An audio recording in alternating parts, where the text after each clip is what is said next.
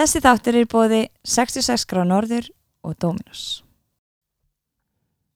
Djúlar þetta geggja þáttur. Frábær þáttur. Hún er algjörnegla, þessi kona. Ég man eftir að hafa síðan að fyrsta skipti fyrir fjórum ára síðan hjálpum fyrirlestur hjá ungum aðanúkunum og ég man í horfðan og ég var bara vá þessi kona þarf að vera út um allt Já, þetta er sérst Sigriður Margrét Ottsdóttir, við þekkt sem Sigga Maga. Hún er í dag framkvæmdastjóri Livju og fór í það starf bara á þessu ári en var áður sem sagt ráðin undir uh, síman inn í 118 og símaskrána og umbreytti bara þeim rekstri yfir í það sem við þekkjum í dag jábundris. og sem er alveg merkilegt að því að hún er með einhverja hugmyndana eða eitthvað, verkefni í höndunum sem hún sér kannski ekki, hún segir sjálf reyndar alveg hafi séð þetta fyrir sér en er að vinna með í rauninni eitthvað, eitthvað, einhverja algjör framtíða sín og eitthvað sem að veist, þú gaskast ekki alveg endilega séð þetta fyrir þú varst með þetta verkefni í höndunum á þeim tímbúti Símaskrá líka þá bara, þú veist, mann ömmu fann símaskráðan bara heilug. Já, hún var með svona símabekk eins og Sigga Maka nefndi svona niðri og þar var hún búin að stapla upp öllum símaskránum yfir árin veist, þannig að með svona uppditaðasta efst og þar var hún bara, jæja ég ætla að ringi hérna Ragnhildi frængu fyrir norðan og bara, Mhm. þú veist þetta er ótrúlegt, sko fun fact um mig ég var framan á síðustu símaskroni sem var gerð Akkur sæður það ekki? Akkur sæður ekki viðtalinu? að því að ég er svona pínulít haus 400 manns Ok, ég ætla að vera með einhverju auðlýsingu vera eitthvað frá Þú varst þarna já, Geðið.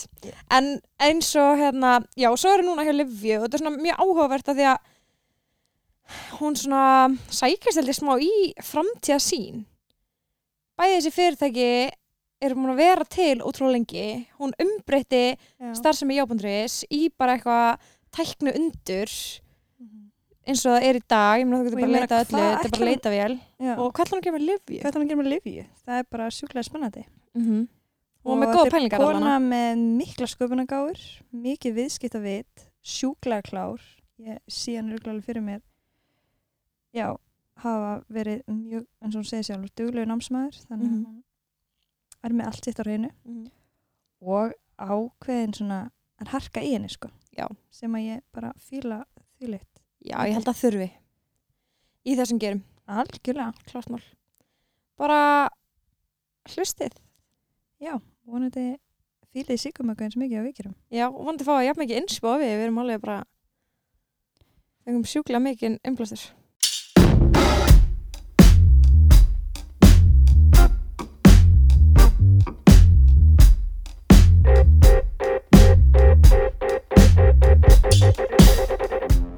velkomin í þáttinn þegar ég verð stór. Ég heiti Valarún Magnúsdóttir og ég er Vakan Elstóttir og til okkur er komin Sigriður Margrét Ottsdóttir, framkvæmtastjóri Livju. verðstu velkomin til okkar Takk fyrir. takk Þú fyrir veist að gefa kölluð Siggamaka, eða ekki? Jú, Já. það er svona þægilegra aðeins þægilegra að, að, að svona segja það heldur en Sigriður Margrét einmitt. Fyrir einhver heldur en frú Sigriður Margrét. Já Hvernig hefur þetta þessi dagana? Bara ljómandi gott. Já. Takk helga fyrir. En þið? Við erum Bara hressar Hressar, já. Já. Þráttur þessa læð þá erum við bara þakkláttar fyrir sólina Sem er búin að vera. Er það ekki bara? Já. Hvað hérna segja okkur eins hvað framkvæmdastur Livia gerir í sínu lífi Já, framkvæmtastjóri Livju, sem framkvæmtastjóri Livju, þá er ég í rauninni bara í hérna uh, fórustu fyrir fyrirtækja samstæðu sem að uh, þetta er þetta er alveg, þetta er mjög merkilegt fyrirtæki sem að ég byrjaði að vinna fyrir í februari þessu ári og kemur óvart eiginlega hver, ein, hver meinasta degi.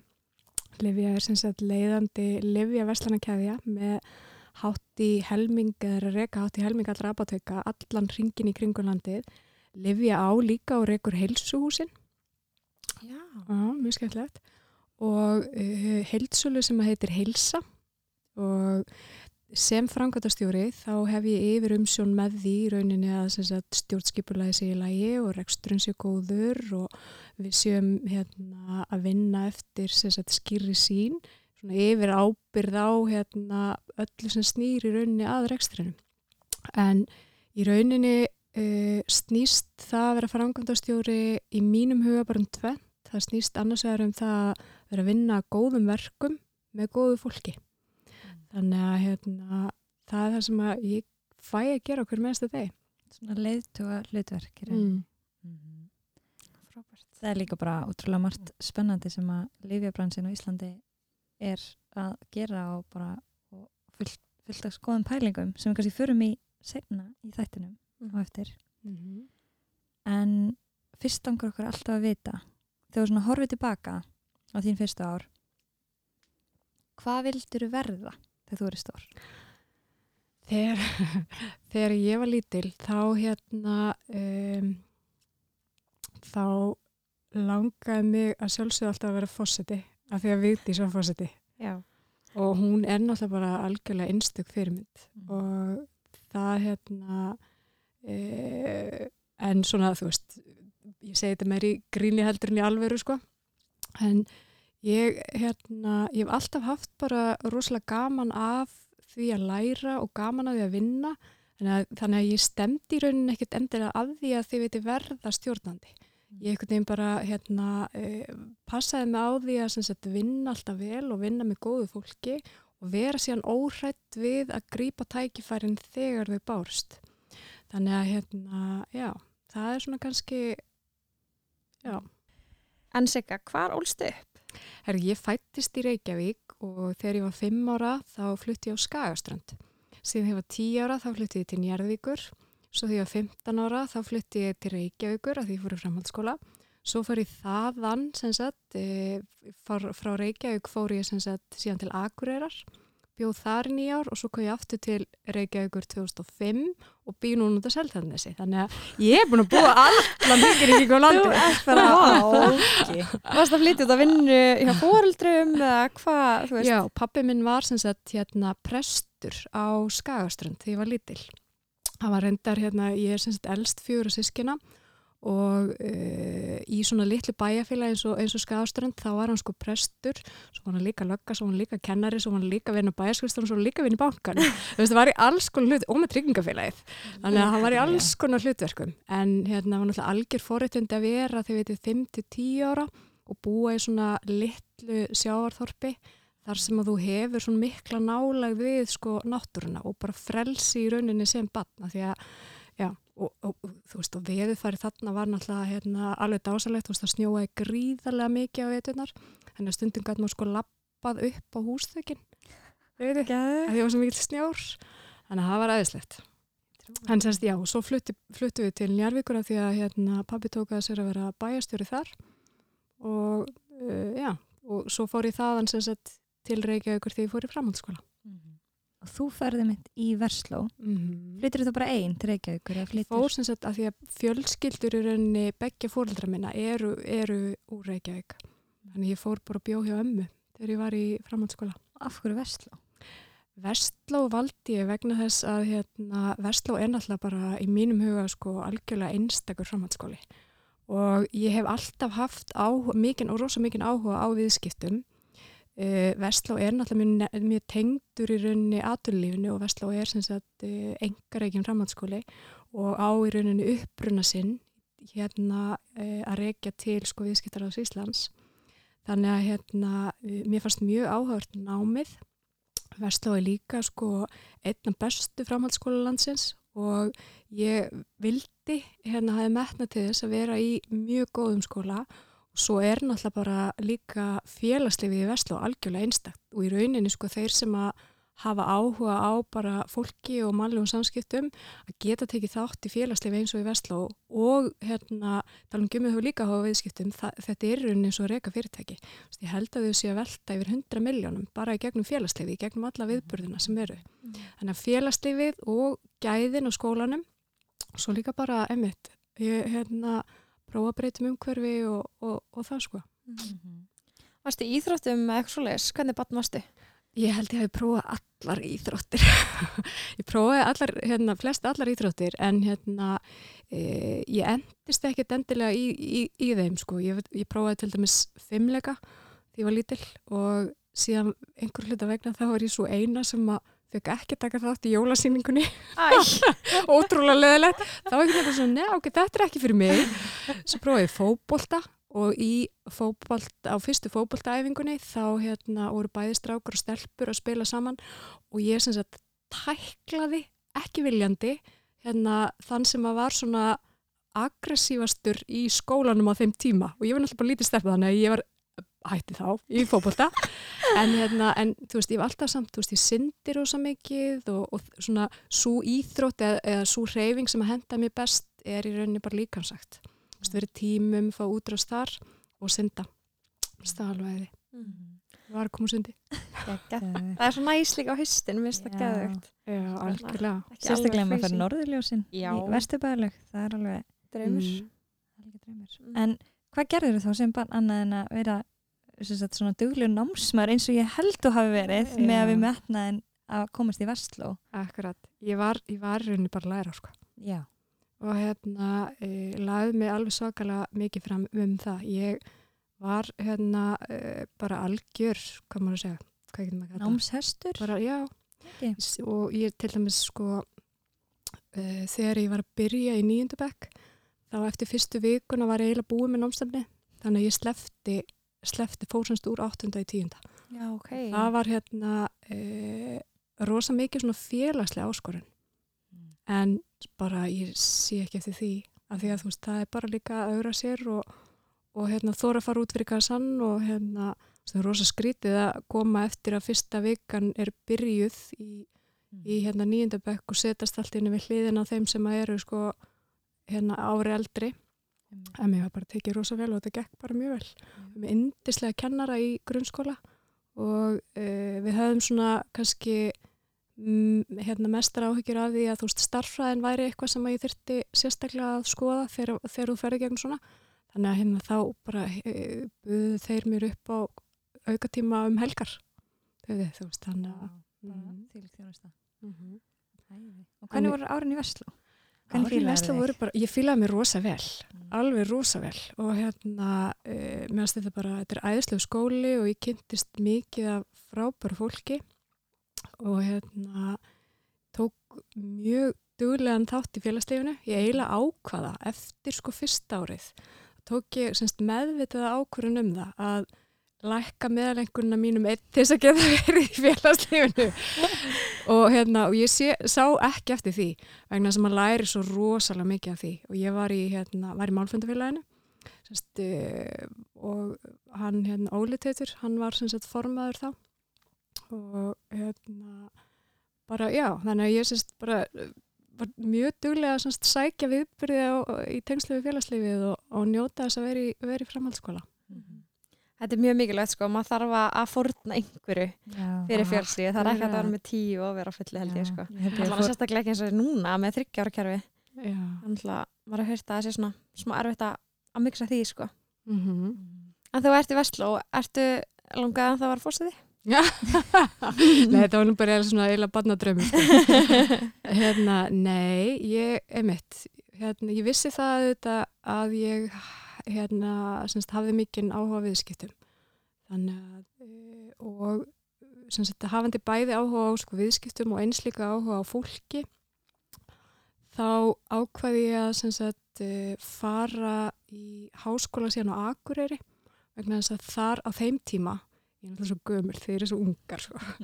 en að þeim tíma þegar ég var að fara í háskóla þá var háskólinn Reykjavík var ekki til til dæmis og það var bara búið upp á í, hérna, í viðskiptafæraðinu fimm ára kant og kono e, mér langaði hérna, til þess að hérna, sagt, mér langaði til þess að læra viðskiptafræði en mér langaði til þess að sagt, fara miklu fyrr í sérhæfingu og á Akureyri var verið að bjóða upp á þryggjar og bíasnám þess að þú gast strax valið í markasvæði sem hérna áherslu. Þannig að ég fór þangað til þess að mitt að gera það og líka til þess að spara tíma. Tími er, mér er mjög andum tíman minn og það að nýta hann vel. Þannig að þarna sem sagt grætti ég einu að gera sér lepa tvö ár og, hérna, og fór að læra það sem að mér langaði mest til. Það heitir rekstra fræði. Já. Þetta er ekki til í dag, það? Þetta er bara viðskiptafræðin. Já. Bara viðskipt- já. með bara markasfræði Já, sem svona, áherslu. ok.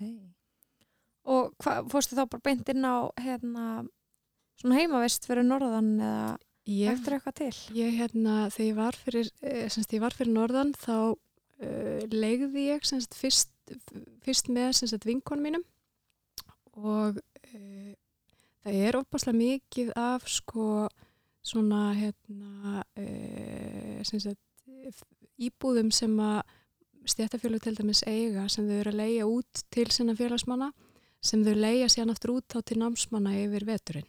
Þetta er, það er kannski mest eftirspurn á, sumrin, þannig að við vorum sérst í legði, legði svoleiðis, hérna, svoleiðis íbúði til að byrja með.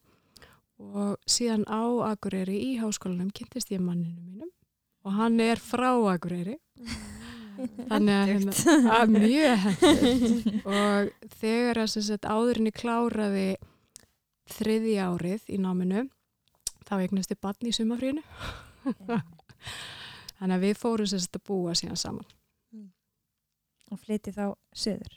Nei, svo byggum við í nýju ár hérna á Akureyri og svo flutti ég söður þegar semst, ég flutti söður og undan í raunni strákonum mínum, já, semst mann og tvo, tvo stráka, e, flutti á undan þeim til þess að hérna, e, vinna og þeir komu síðan í kjálfarið. Við prófum sem sagt um nokkura mánuða skeið, það var þannig að ég var semst virkudagana hérna í Reykjavík og flög svo heim um helgar. En það er bara hundleðilegt. Mm. Ekki trúið því. Þannig að við endum, á, við endum öll saman. Þú náður að tósa akureiningin til Reykjavíkur. Já. Það er ekki bara frekar vel Vel gert. gert. hérna, talandi um að vera komaðana úr uh, þryggjara námi um, viðskiptafræði, Mhm. markarsfræði, margir að læra viðskiptafræði örugglega þessum árum. Hvað, hvernig kemur inn á vinnumarkaðin og hvað er svona þín fyrstu skref? e, þegar að sagt, ég lauk námið þá var ég mjög heppin. Ég rauninni byrjaði sagt, áður en að ég rauninni hérna, kláraði námið. Sagt, á síðustu önninni þá byrjaði ég að vinna, vinna á ölsingastofu samhlega því ég var að vinna loka, lokaritgerina. En ég var svona aðeins byrjaði að fá smá insýn í, hérna, í hvernig það væri og síðan var ég bara uh, mjög heppin. Ég fekk í rauninni vinnu hjá litlu ráðgjafafyrirtæki, bara um leiðu ég útskrifaðist og það ráðgjafafyrirtæki uh, var þá í markasansóknum og, og ráðningum og ráðgjöf og bara nokkru mánuðum eftir að sagt, ég uh, byrja að vinna fyrir þetta ráðgjafafyrirtæki sem að hétta Ráðgarður þá kaupir Gallup Ráðgarð. Gallup náttúrulega á þeim tíma og í dag líka er sem sagt stærsta markasánsuna fyrirtæki landsins. Og fyrir mig var þetta náttúrulega bara algjörlega frábært uh, og þá var sagt uh, var, var ég að vinna hjá útibúinu þeirra á Akureyri. En stuttu eftir eftir, hérna, eftir þessi kaup þá byrjaði ég að vinna mjög mikið fyrir viðskiptavinni sem að eru staðsettir í Reykjavík. Þannig að hérna, það var bara alveg svakalega skemmtilegur tími En varstu þá að starfa sem ráðgjafi eða hvað varstu að gera innan fyrirtækisins? Já, ég var í rauninni ég, sagt, uh, verandi á einmitt svona litlu markaði eins og Akureyri. þá tók ég þátt í bæði aðstofi ráðningar og náttúrulega fyrst og fremst mark, hérna, sinna markasansóknum og það var síðan hérna, svona áherslan hjá mér frá því að í rauninni hérna, frá því að ég eiginlega sem sagt uh, útskrifast og þanga til ég hætti síðan hjá, hjá sagt, því fyrirtæki. Þannig að markasansóknir sem að vera þjónusta fyrirtæki eða veita ráðgjöf varðandi, varðandi þau mál, það var svona hérna, það, það voru mínar ær og kýr. Og er það fyrirtæki að hafa samband til þess að kynast markárum sínum betur eða hvernig fer sér ráðgjöf fram?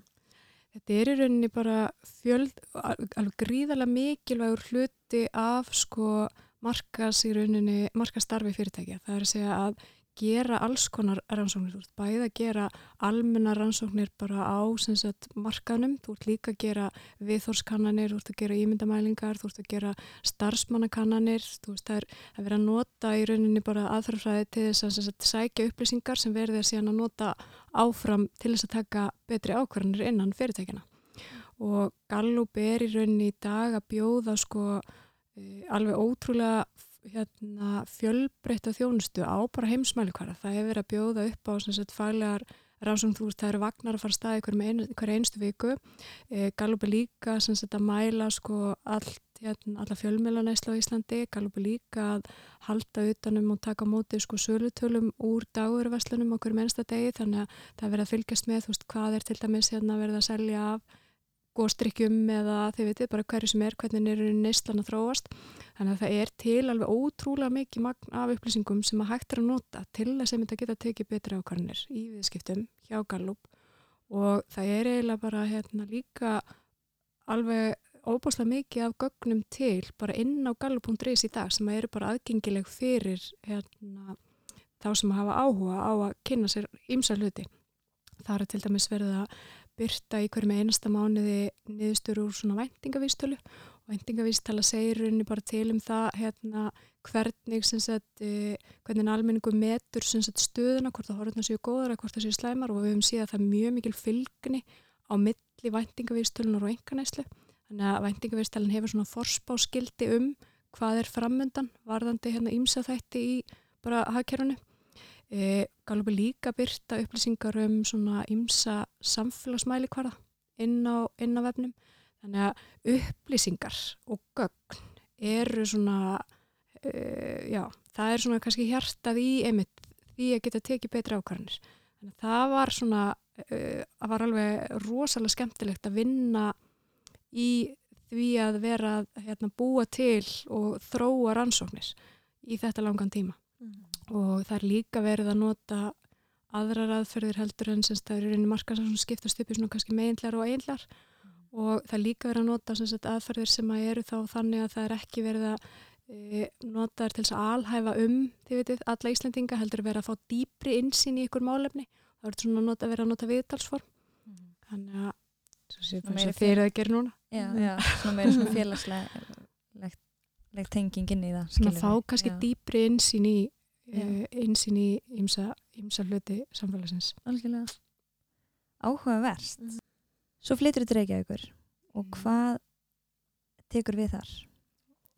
Sérst, ég flyttur Reykjavíkur vegna þess að e, kona sem að ég ber mjög miklu verðingu fyrir og endaði síðan á að vera viðskiptafélagi minn, hún býði með starf og býði með starf sem, sagt, sem að fólst í því að koma að vinna fyrir síman og uh, taka þátti því að búa til fyrirtæki í kringum tvær dildir sem að voru innan símans. Þess að tvær dildir voru annars vegar 118 og hins vegar prentaða símaskráin. Og þessum tíma þegar ég fekk sko þetta bóð þá hugsaði ég, ha, hm, símaskráin. En um leðu ég skoðaði markaðinn emitt og áttaði mig á í rauninni hvað tækifæri væru þarna, þá var þetta aldrei spurning.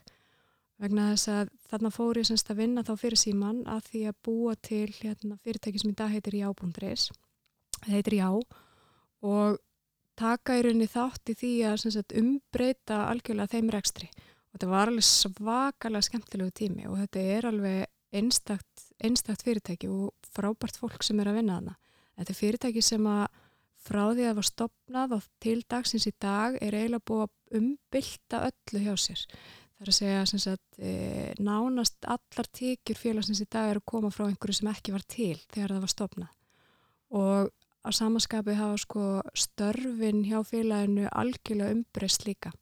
Þetta var fyrst og fremst hérna, e, sagt, fyrirtæki þar sem að störfin voru svona þjónstufull tróstörf þar sem að fólk í rauninni satt og svaraði í síman og hérna, fyrirtæki hafi tekjur af því en í dag er þetta fyrst og fremst bara hugbúnað fyrirtæki. Þetta er sem sagt bara tæknifyrirtæki sem er að setja gögnum fram með allt, allt, allt öðrum hætti og þetta var alveg rosalega skemmtilegt, uh, skemmtilegt verkefni að taka þátt í þessu að í rauninni búa til nýtt fyrirtæki og setja fókusin á upplýsingaþjónustu vegna þess að innan símans var þetta náttúrulega ekki kjarnabisnissin. Þetta var bara svona algjörlega aukabisnissin. Þannig að það var rosa skemmtilegt að fá að koma inn og segja nú ætlum við að vera aðal og, hérna, og búa til nýtt vörumerki og breyta, hérna, breyta því með hvað hætti við erum að sagt, þjónusta þá Íslandinga með upplýsingar. Eitt af fyrsta sem að ég gerði, eða við gerðum, hérna, ég gerði náttúrulega ekki neitt einn sko, við gerðum þetta, hérna, gerðum þetta saman, en eitt af fyrsta sem við gerðum eftir að ég á að stopna var til dæmis að við keiftum lítið leitartækni fyrirtæki. Það leitartækni fyrirtæki heit Spurl og við sögum hérna, já ok, leit og interneti, þetta er eitthvað svona sem áttur að verða eitthvað. En hérna, og það var mikil gæfa vegna þess að byggtum þetta á þeirri einingu, þar fengum við svona tækni hæfni inn í fyrirtæki. Og uh, umbreytum náttúrulega sagt, uh, vefnum algjörlega og gerðum það sagt, á nokkru sinnum á meðan ég var að vinna fyrir já. Og settum sagt, appamarkað sem að í rauninni gerði þess að þjónustu bara í símanum og aðgengilega fyrir fyrir alla og þetta er í dag held ég eitt mest notaða eitt mest notaða appi á landinu. Mm. og síðan er bara búið að vera að halda áfram að þróa og þróa og þróa þessa þjónustu. Og þau voru til dæmis að setja í lofti bara núna ný, nýlega uh, uppfæslu á bæði vefnum og appinu. Þar sem að nú er ekki bara sko upplýsingar um sagt, öll símanúmer og heimilisföng og bæði einstakling og fyrirtæki heldur líka eru upplýsingar um allar vörur í öllum vefverslunum á Íslandi þannig að hérna, það er hægt að fara þann inn og það er hægt að leita að í rauninu bara hverju sem ykkur dættur í hug og það er hægt að ræða eftir verðum eða hvort þetta er til eða ekki og hvar það næst er og, og svo framvegs og svo framvegs þannig að þróunin heldur bara áfram þarna. Mm. og e, á þessari vekkferð þá síðan breytist líka já með þeim hætti að félagið kaupir önnur fyrirtæki. E, til þess að því að hérna, það sem gerist auðvitað þegar þú ert í því að stundan ísköpun þú ert að þróa þá ertu að hliðra í raunni virði. Það er að segja að þú ert sjálfa umbreyta því með hvað hætti virði er skapað innan þessa fyrirtækis og þá hérna, það áttu veldu því að þú, hérna, þú, þú ert í rauninni semst að gera sjálfa því úreldan en við vildum, hérna, við vildum ekki minka þó að við værim að fara gegnum þessu umbreytingu, við vildum við nýta í rauninni hefnina sem við höfum byggt upp innan fyrirtækisins meðlans þessar tæknihefni í önnur verkefni þannig að við keiftum, keiftum Gallup 2015 fyrirtæki sem ég mitt hérna byrjaði að vinna hjá sem var mjög skemmtlegt mm -hmm. en það er náttúrulega líka upplýsingafyrirtæki og er að fara í gegnum núna sambarilega breytingu og núna eru orð, orðnar aðgengilegar í gegnum Gallup bæði upplýsingar sem eru aðgengilegar fyrir alla en svo líka mikið upplýsingun sem að fyrirtæki kaupa og eru reynir bara með áskrift eða aðgang, sér aðgangað mm. en að geta leitað bara veist, strax þegar þið vantar þurfu ekki býða og, hérna, uh, og fengið gögnin sett fram með þeim hætti sem að við þekkjum svo vel já með einn sko. það er uh, bara mikill kostur við keftum Gallup 2015 og svo árið 2017 keftum við leggja leggja er sem sagt okay. app sem þú notar til þess að borga í stöðumæla. Elskar þetta app, já, best í heimi. Algjörlega sammáleikum Fjölu minna frá hverjasköðinni Þannig að sagt, já, þegar ég sem sagt fer frá þeim er í rauninu orðin svona fyrirtækja samstæða sagt, samstæða hérna, með nokkur vörumerki.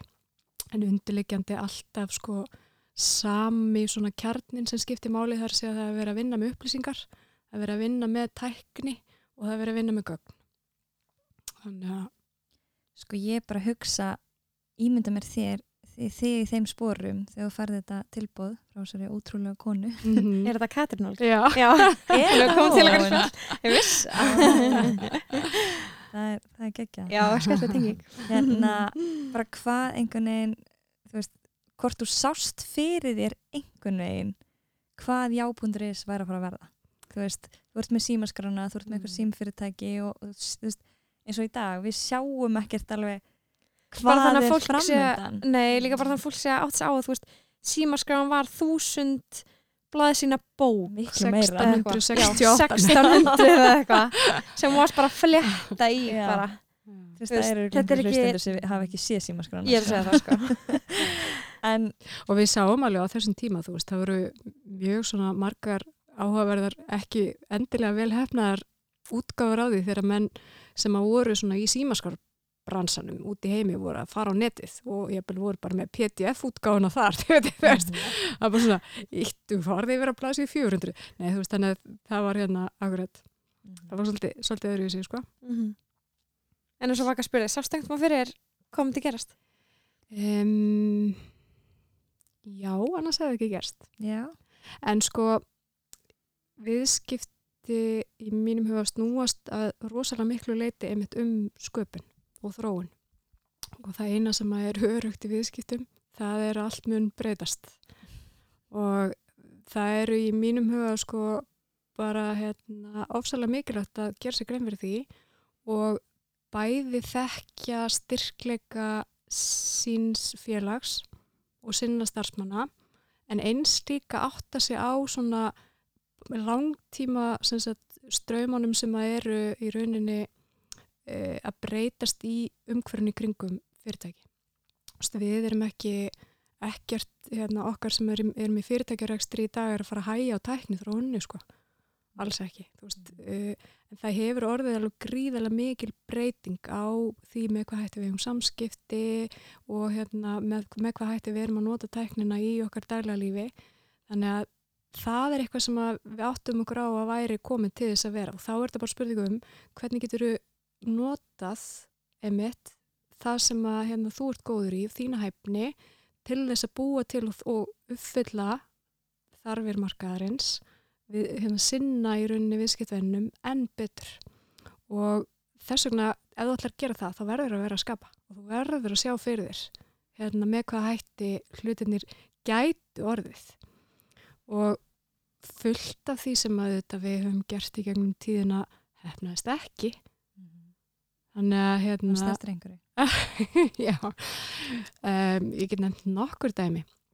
Við til dæmis uh, settum netleit í loftið sem að var semst leitarvél sem talaði íslensku.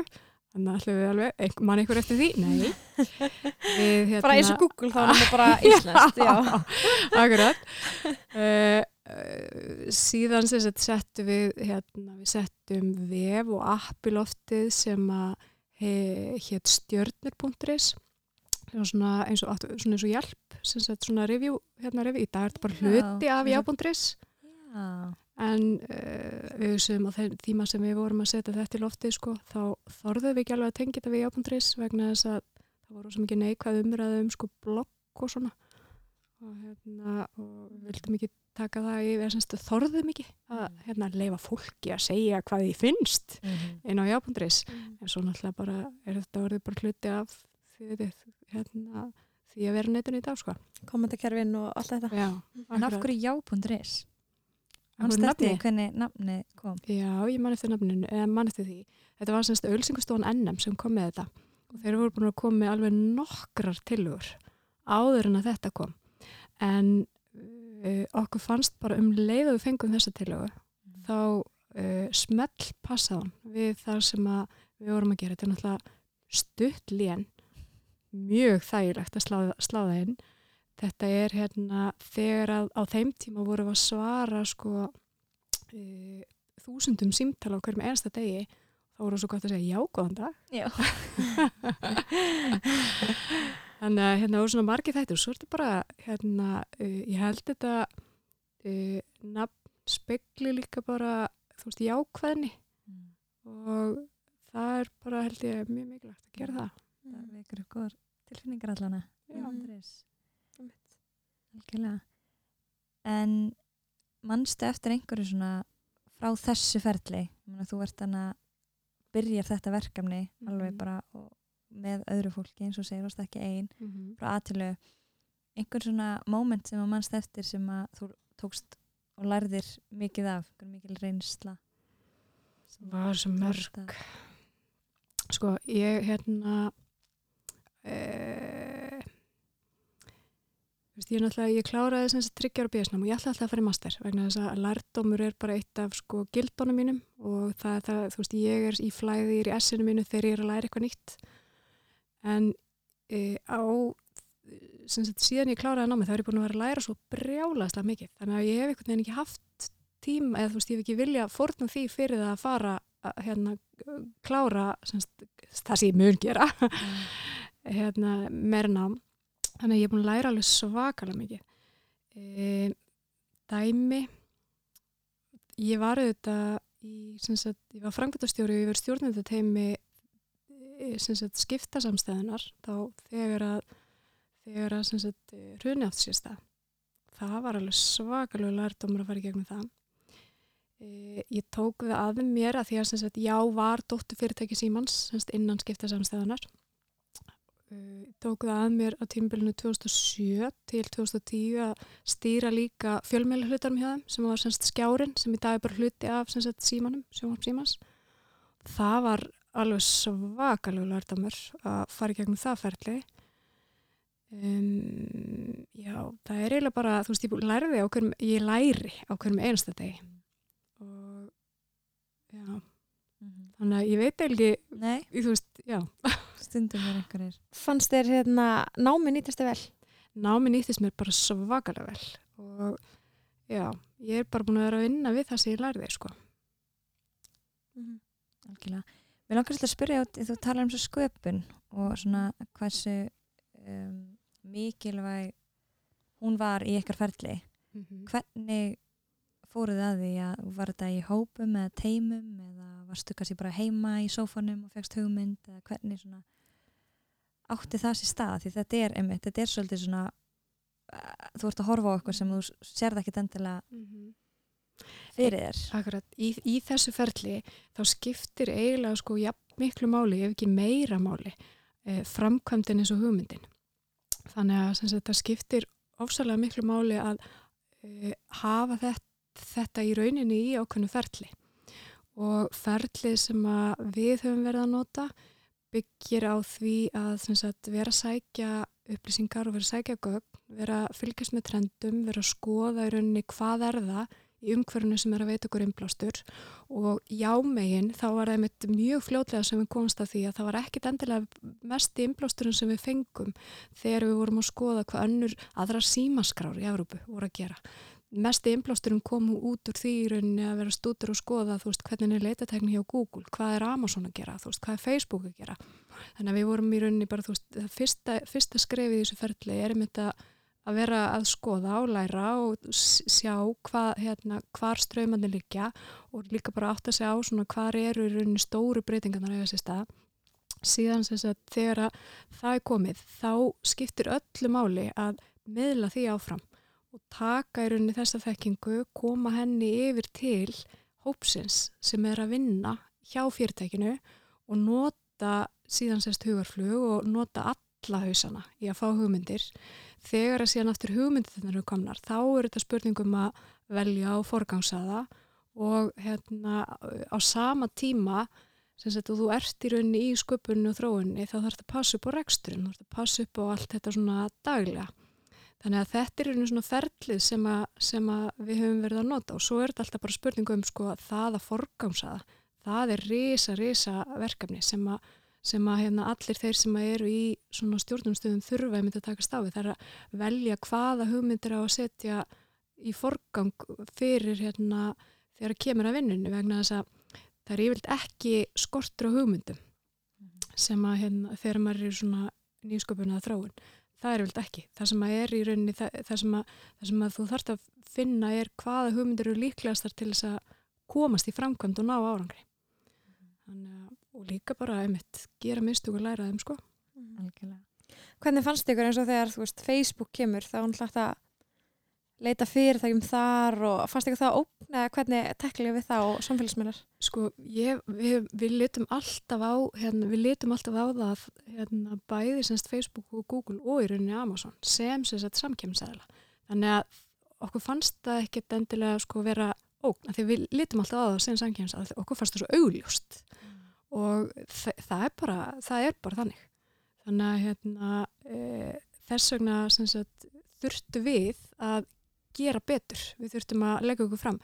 Og um leið og þú ert komið með sagt, leitar vel og leitar tekni eins og þá sem Google byrður upp á þá þýðir ekkert, þú veist, þá eru notendunni þínir. Þeir eru ekkert að fara að gefa þér eitthvað afslátt þá að þú sérst Íslands fyrirtæki. Þú þarf bara að vera með sko tækni sem að er jafn góð, sem að er að hjálpa þú veist, sem er með hérna, autocomplete og er að byrta, er með live results og veist, allt þetta, þannig að veist það er engin, væntingarnar eru bara hækkar af þessum stóru alþjóðlegu fyrirtækjum. Þannig að sem sagt uh, já, Það sem þið hafið þá kannski gert er að taka gallupinn og, og vera með eitthvað gagnasamt sem að Google og Facebook kannski ná ekki til, eða þú veist, það kannski líka svona það var sem sagt, það, það, það er rauninni bara hluti af sem sagt rekstunum eru þetta bara að hérna, sem sagt, stækka að byggja fleiri tekjustóðir undir félagið með þeim hætti. En sem sagt eins og gagvart Google þá til dæmis eitt af mikilvægast það sem er inn á jábúndurins það eru kortin. Og það sem við gerðum um leið og það var rauninni orðið á verði sem að Ísland reyði við var að við fórum að við kerðum Ísland 2013 allan ringin og tókum myndir í 360 gráðum og samþættum það við kortið. Þetta var risa, risa projekt sko. og hérna, þegar við ákvæmum að gera þetta þá var, e, að því við vorum alltaf að stúdra hérna, Google Street View, þú veist hvar þeir ætlaði að vera.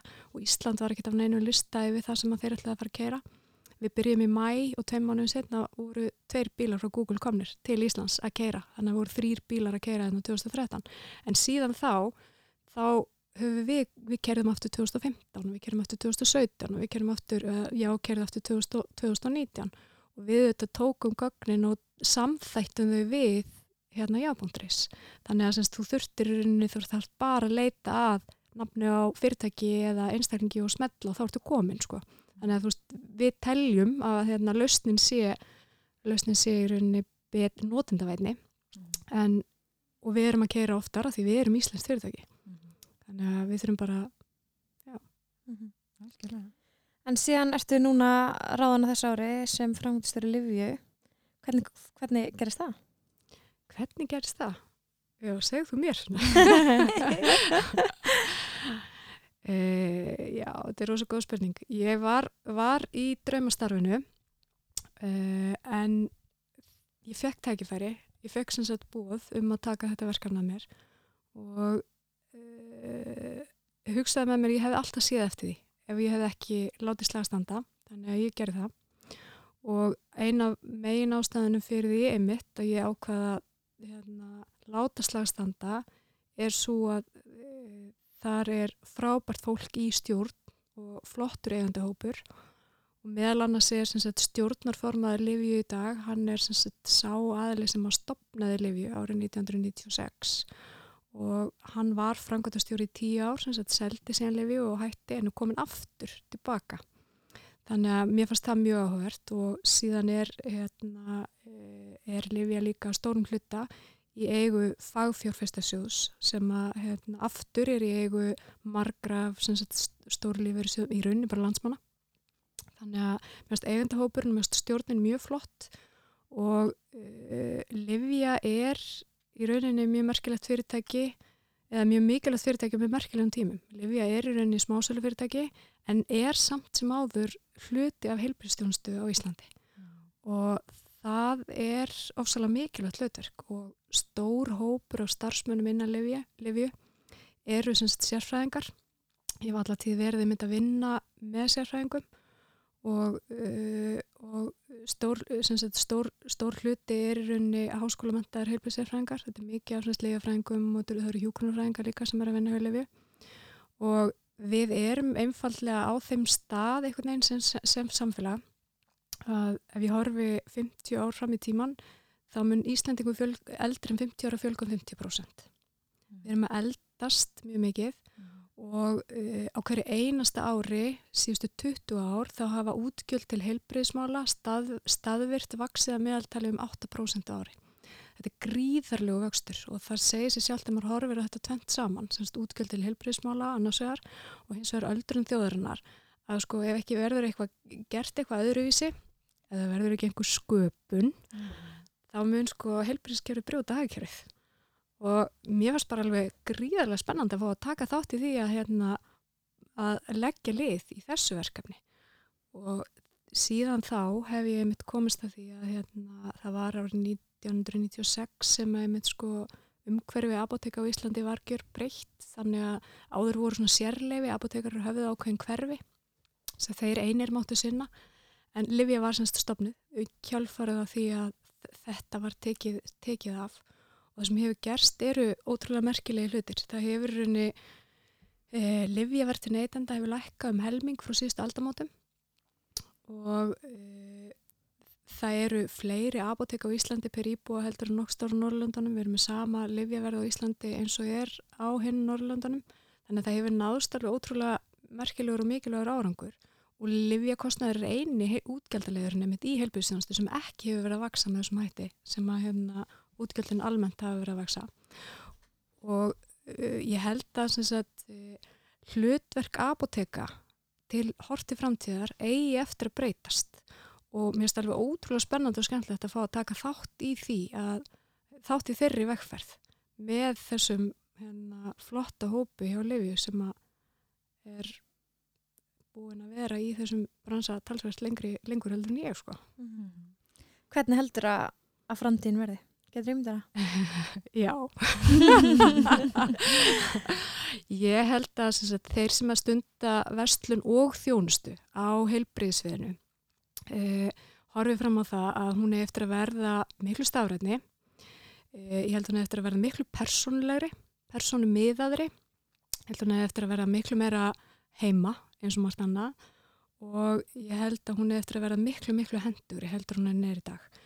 Og þar sem að hérna, ég sé fyrir mér sko framtíð þar sem að við erum bæði með heimilisleiknin og apotekið okkar í vasanum. Uh, við erum í dag að horfa á það að það eru fyrirtæki út í heimi eins og til dæmis Babylon sem að er fyrirtæki sem að hefur bara einsett sér það að gera sko helbriðstjónustu aðgengilega fyrir alla og verði sem allir ráða við Þeir eru í dag komni með sagt, eh, samning við NHS í Breitlandi þar sem þú ert í rauninu bara áskröðandi fyrir eitthvað hérna, látt gælda mánu þar sem að úttakmarkaðan aðgangað sko, tímum í heimilsleiknin, þú ert líka með heil, heilbriðis, neða heilsufasmælingar og þú ert með ógefis heimsendingar og lifjum.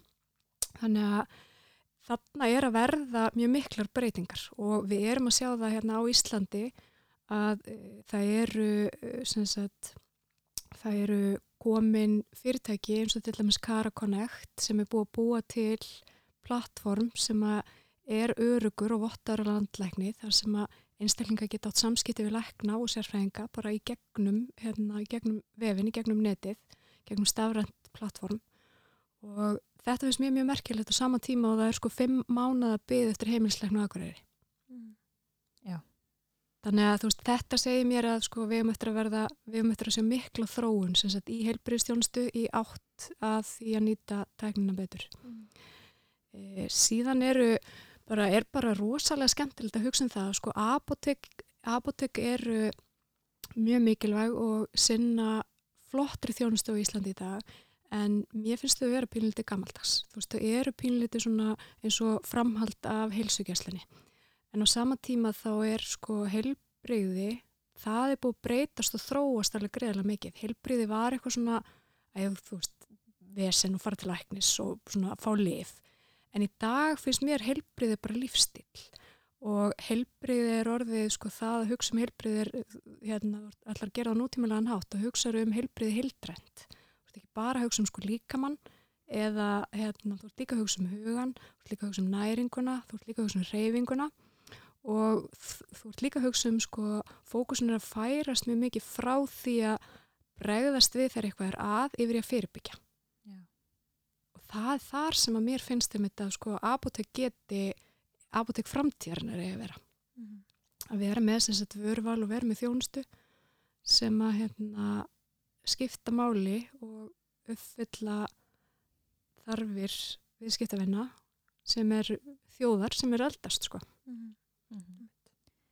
En svona talandi um lifjamarkaðin hér heima á Íslandi og markasmál sem mhm. tengjast lifjabransanum mm -hmm. því að ég meina þetta ertu með vöru sem er lífsnöðsileg en mm -hmm. þú ert líka einhvern veginn að selja hana mm -hmm. við sjáum eins og út í bandarækjunum annað það er svo ótrúlega yktar lifjaauðlýsingar og annað mhm. hvernig er þetta hérna mhm. í gangi heima og á Íslandi náttúrulega þú sérð ekkert sko, þú sérð ekkert almennar, almennar auglýsingar á livjum, þú færðir eða sérst liv, liv sem eru á þess að læknum. Það eru reyni læknandir sem að, hérna, sem að ávisa livin en síðan sérst að þú kemur inn á gríðarlega mikilvægan punkt þannig að síðan sérst það sem gerist er að þú ferð í apotek og þú ert með livseðil og á hérna e, að bakvið, eða semst að bakvið búaborðið í apotekinu er lifefræðingur sem fór í fimm ára háskólanám til þess að í raunni efnaverkfræði til þess að hérna læra um með hvað hætti þessi virku efni hafa áhrif á þig. Og lifefræðingurinn hann er sérfræðingur í livjum og livjategundum og þegar þú kemur inn í apotekið með ásum frá lækni þá er, þá er kannski jafnvel búið að breyta nafn á lifinu eða læknirinn veit ekki af þú veist, einhverju, einhverju, einhverju breytingum sem á sér stað. Þannig að það, það eru þarna mjög mikilvæg samskipti sem að eiga sér stað í apotekinu á milli viðskiptverðina eins og lifafrængsins og eitt af því sem að við til dæmis höfum verið að leggja áherslu á bara í markastarfi hjá Livju núna undanfræta vikur er einmitt að sko upp hérna, að minna fólk á og liðafræðingarnar eru að upplýsa um samhættalif vegna þess að þó að livjakostnaður til neytenda eða livjaverð til neytenda hafi lækkað um helming frá síðustu aldamóndum þá er samt ennþá tækifæri til þess að gera betur. Vegna þess að það er þannig að tæplega helmingur allra, allra livja sem eru seld út af apotekmynda eru ekki ódrestarifið og þarna er mjög mikilvægt til dæmis að sko bara upplýsa neytendur um þennan möguleika og upplýsa það um og láta vita af þessum sérfræðingum sem eru e, til staðar inn í apotekunum og geta veitt ráð mm. e, Já Þannig að það segja að þú veist, leif sem að margir kannski hafa trist á í mörg ár mm -hmm. það er verið að búa til ný, ný leif sem að virka alveg þróu... eins og er, heita samheita leif og viðskiptavinnur eru kannski ekki alveg að trista þeim leifjum af því þau þekk ekki og er ekki nógu vel upplýstir. Og það er, það er þarna sem við í apotekunum getum komið inn og getum upplýst og getum, getum frætt og getum aðstáð og það eru, segi, það eru liðafræðingar í öllum apotekum þannig að mm -hmm. ég bara hvet fólk til að tala við á gott ráð. Um, en svona talaður um livjaskort mm -hmm. sem hefur orðið svolítið hérna heima mm -hmm. orðið svolítið fyrir, hvernig hafi þið svona þurft að díla við það Mm. Livjaskortur er hérna, mjög alvarlegt vandamál. Livjaskortur er samt ekki sér Íslands fyrirbæri. fyrirbæri. Livjaskortur á sér stað út um allan heim og livjaskortur getur til dæmis átt sér stað vegna þess að það eru stórar sérhæðar vesmiður út í heimi sem að er að sérhæfa sig að framlega eitthvað ákveði virtefni í liv sem að eitthvað fyrir úrskeiði sjá og þá er skortur í öllum heiminu. Þannig að en þetta er í rauninni vandamál sem að mér finnst að við þurfum að sagt, vinna svona þverfaglega að því að sjá hvað við getum gert betur. Það þarf að koma að þessu fólk bæði úr stjórnkerfinu, það þarf að koma að þessu, það þarf að koma að þessu náttúrulega læknafélagi, það þarf að koma að þessu semst, hérna, lifið fræðingafélag og svo framvegs og lifið heilsalar og lifið smásalar. Þannig að þetta þarf að verða svona bara finnst mér sko þverfaglegt samstarfum með hvað hætti getur við unni, hva, hvernig getur við unni sem best út úr aðstæðum sumt, sumt hérna, sumt getur við gert en annan getur við ekki gert mm. það er líka hérna, það er líka það er, það er bara þannig mm. En hvað er það þá sem að eins og þið apotekin getur gert? Það sem að skiptir mestu máli er í rauninni að læknarnir séu algjörlega meðvitaður um og upplýstir um þau liv sem ekki eru í bóði vegna þess að það er vest þegar að sjúklingar koma með livjásun á liv sem ekki eru til e, í mörgum tilfellum eru til þá önnurlif, samhættalif til dæmis. Að e, eða það þarf þá að sagt, finna önnur lif sem eru með annars konar virkni en það er alltaf læknin sem þarf þá að gera það. Þannig þessu tilfellum myndi ég segja að veist, þar væri, þar væri hérna, það væri svona fyrsta skrifi, það væri passu upp á passu upp á aðgengi að upplýsingum fyrir lækna. Og svo er það líka auðvitað þannig að við vitum það að það er gríðarlega mikið álag á læknum. Og uh, og þeir hafa takmarkaðan tíma. Þannig að það þarf líka að passa upp á bara hvernig, hérna, hvernig aðgengið er fyrir þá, að þessum upplýsingum. Það er ekki bara svona livja leitavél Já, já. Næsta dagskrá. Hver veit? En hvað finnst þið svona erfiðast að vera í þessum livja bransa? Þetta er svona inn í smá ramma tengist telbrískerinu en samt er þið náttúrulega fyrirtæki með rekstur og annað.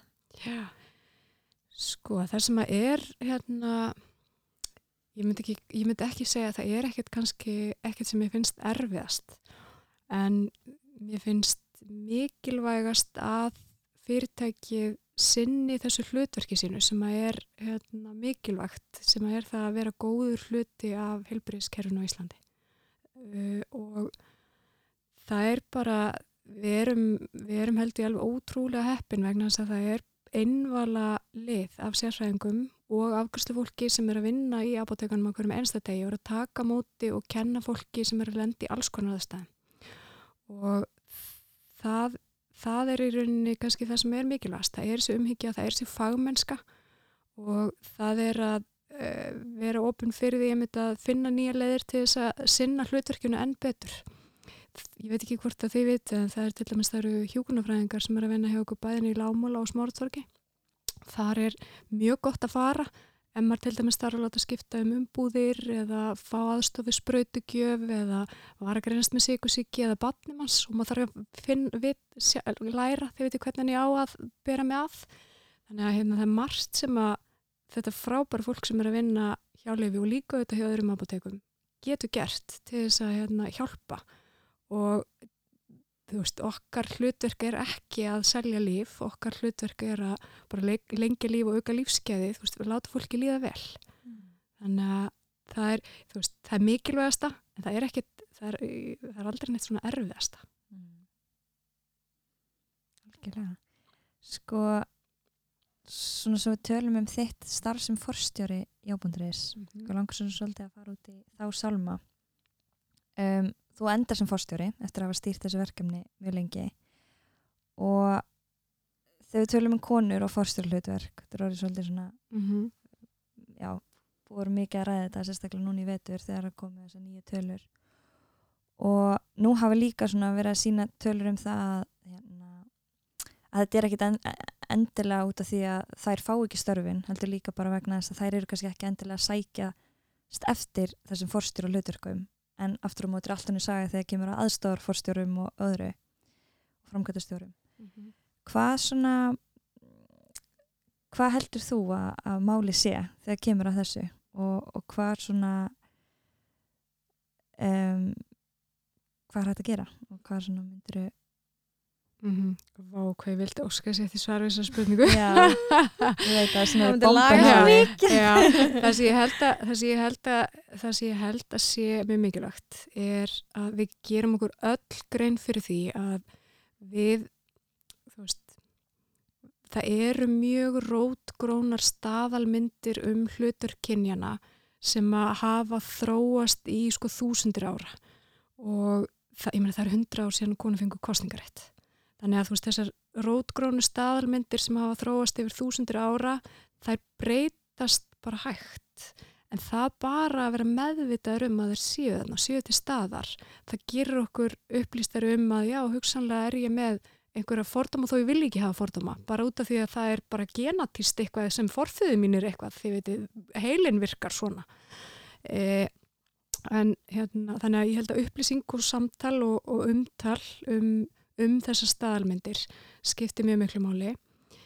Svo held ég líka að hérna uh, svo held ég líka að uh, það sé bara mjög mikilvægt einmitt að tala um uh, tala um sagt, hlutverkfóstjóra öllu því sem, að, sem sagt, fylgir sem er gott og líka hitt sem fylgir sem er erfitt.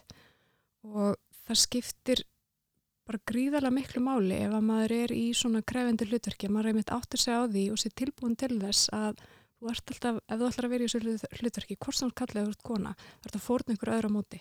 Þetta er, þetta er alveg hérna, e, þetta er, þetta er semst, allavega frá mínum bæðurinn séð og miða við þá sem ég þekki sem að eru í þessum hlutverkum þú leggur, þú ert í rauninni í vinnunni allar sólringin, þú leggur þig mjög mikið fram og þú þart að færa fórnir í staðin e, þannig að hérna já. Mm -hmm. algjörlega það var samt alveg lélegt svar. Mm, samt svar sko, þetta er erfið þetta er, bara svar sem að enginn hefur Nei, og þetta er bara gott að velta þessu upp á sér og... ég held að þessi staðalmyndir séu stór hluta þessu. Mm -hmm. og ég held að sé líka hérna líka það að tala um sko jafnbreytti ekki bara út frá hlutverkinu sem sko stjórnandi, heldur líka út frá hlutverkinu sem manneskja og sem fjölskyldamaneskja mm.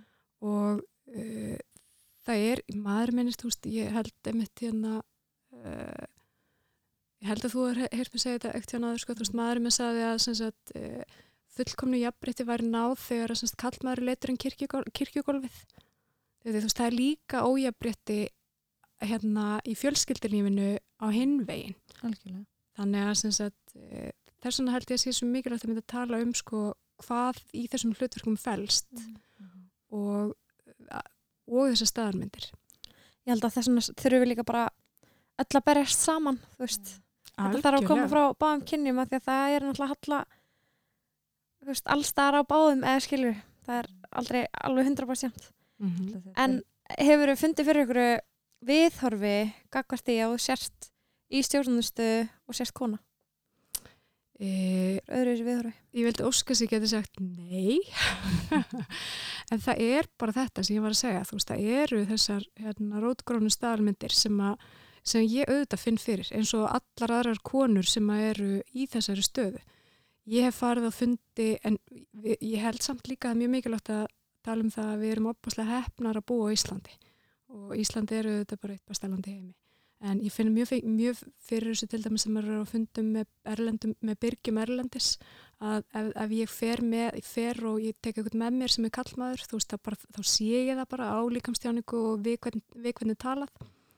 E, það er hérna það er líka þannig að semst, ef þú ert í þessu hlutverki þá þarftu að taka stundum mjög erfiðar ákvarðanir. Þú þarftu að taka erfiðar ákvarðanir sem eru sásökafullar fyrir fólk og hafa áhrif á sko hérna bara sem sagt lífsviðverðara og það er einhvern veginn sko okkur finnst óþægilegt að sjá konu í því hlutverki. Það eru þessar staðalmyndir.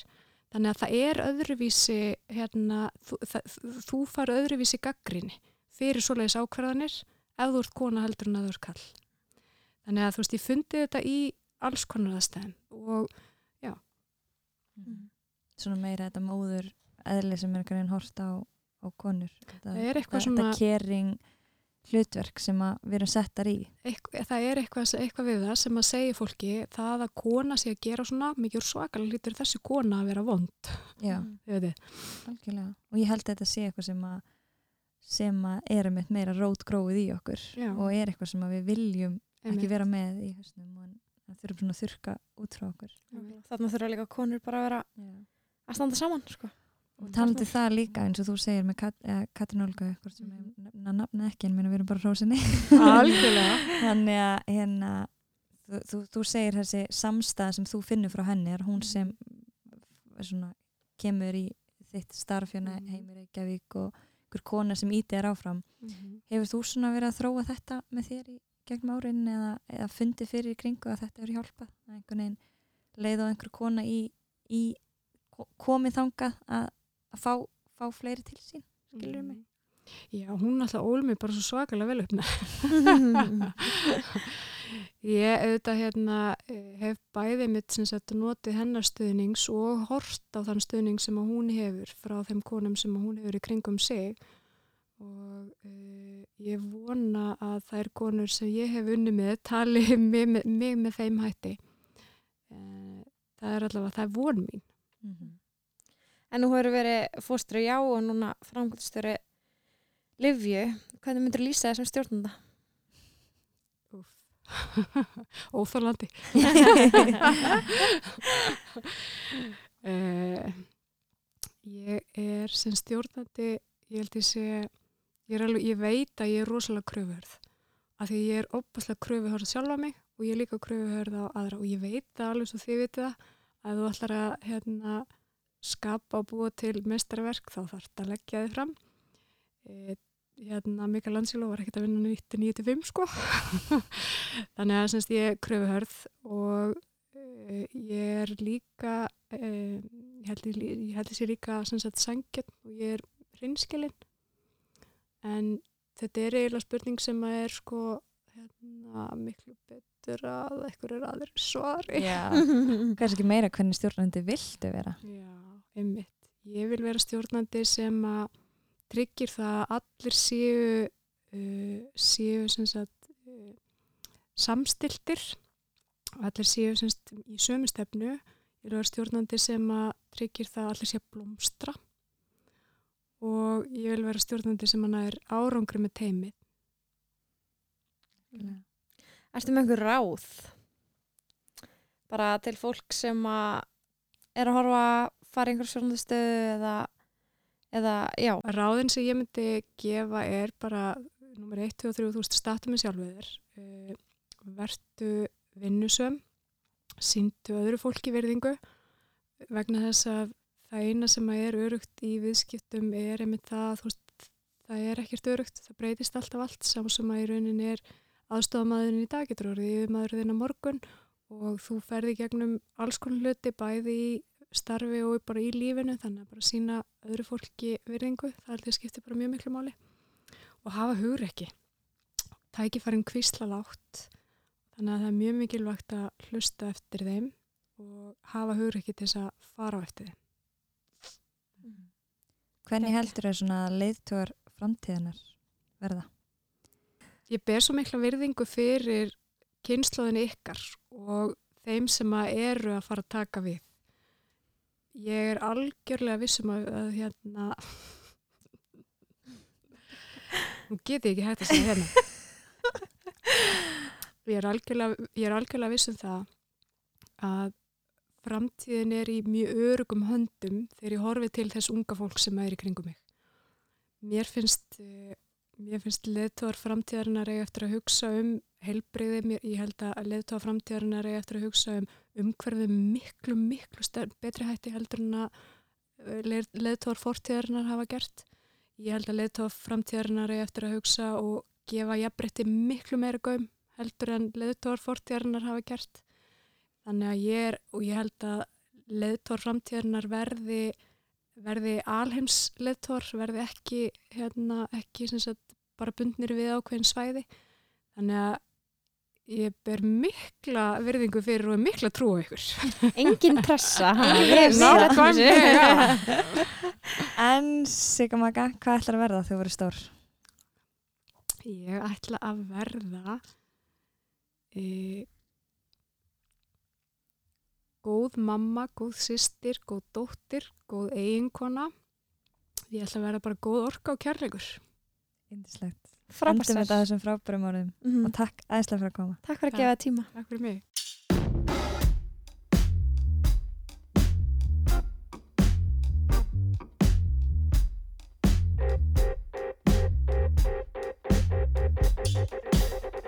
Þau sitja eftir með auð sætisplás til beggja handa.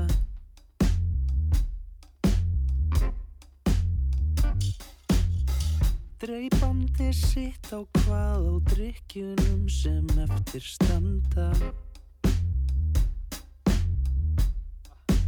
Alveg sjálfsagt, ekki að minnast á, láttu vaða leistu skjóðu frá.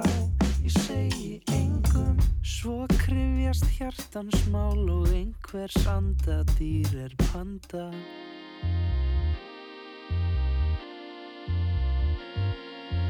Trún og trún á, við kinn þú og ég og einhver vinnu þinn. Trún og treyna, trún og viðhalda Nóttin naumast orðin viðhalda Trún og trún á, við kinn Þú og ég og einhver vinur þinn. Trún og treyna, trún og viðhalda Nóttin naumast orðin viðhalda Og við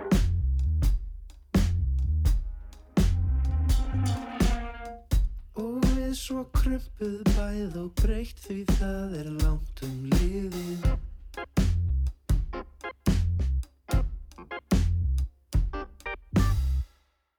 Og hundruð hunda ára hafa okkar daga drifið